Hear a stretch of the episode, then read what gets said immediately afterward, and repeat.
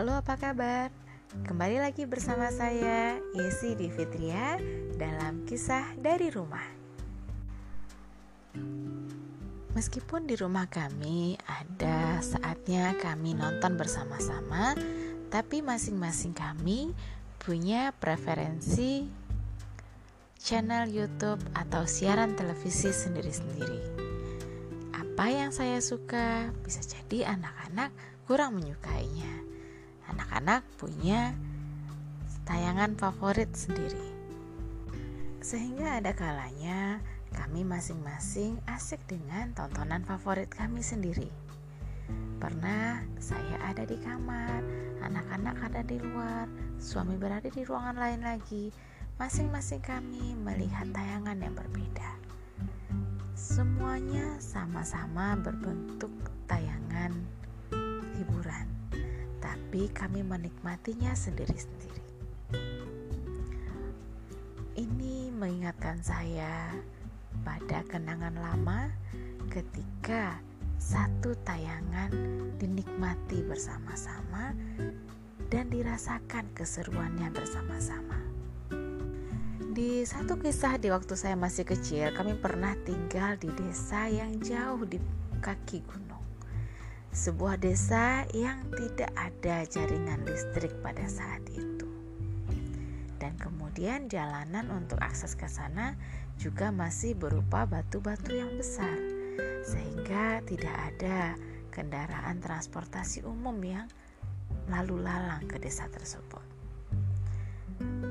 Ketika kami pindah ke desa tersebut, kami pindah dari desa yang sudah ada jaringan listriknya. Sehingga pada saat itu kami sudah memiliki alat-alat elektronik seperti televisi ataupun radio. Ketika kami pindah ke daerah tersebut, orang tua saya lalu membeli seperangkat aki agar kami tetap bisa menonton televisi. Keluarga kami lalu menjadi satu-satunya rumah yang memiliki televisi di desa tersebut. Ini lalu menjadi hal yang seru. Pada waktu itu, hanya ada satu channel TVRI yang ada di televisi, dan biasanya kita sudah punya tayangan apa yang akan muncul di televisi tersebut. Ada beberapa tayangan yang ditunggu-tunggu oleh kami dan juga penduduk desa kami. Ada sinetron-sinetron, biasanya sekali sehari.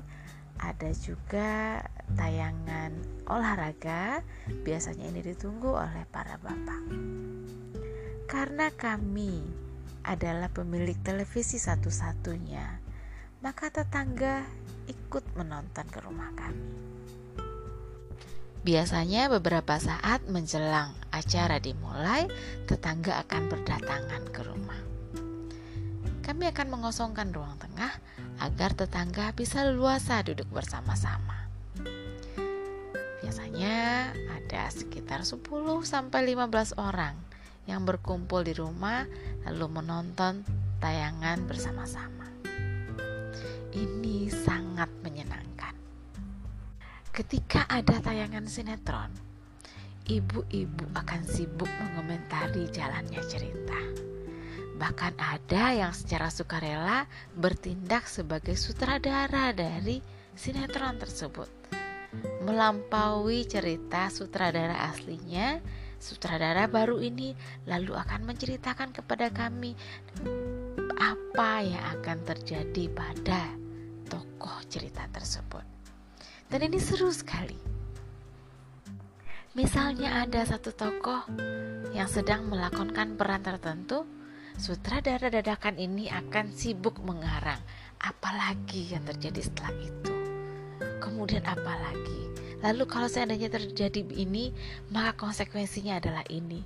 Kami semua sibuk menganalisa sinetron tersebut.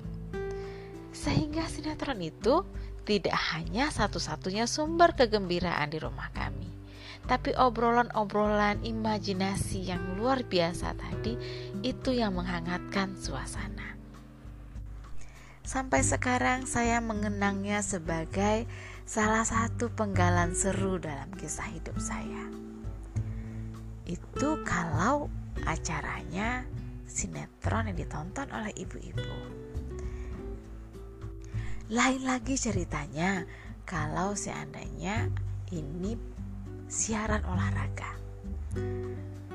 Jika tadi ibu-ibu yang berkumpul di rumah, sebaliknya ketika siaran olahraga, kaum bapak yang merapat ke rumah kami. Terutama kalau ada siaran sepak bola. Rumah kami akan riuh rendah dengan suara-suara supporter sepak bola. Ini sangat seru dan sangat berkesan.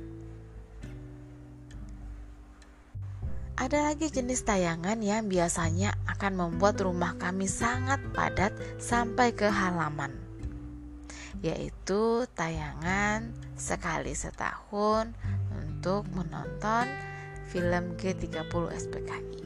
Biasanya, Papa akan menaruh televisi agak lebih tinggi agar tetangga yang duduk agak jauh tetap bisa menonton dengan jelas. Dan biasanya pada pagi harinya papa akan memastikan bahwa aki sudah siap untuk digunakan.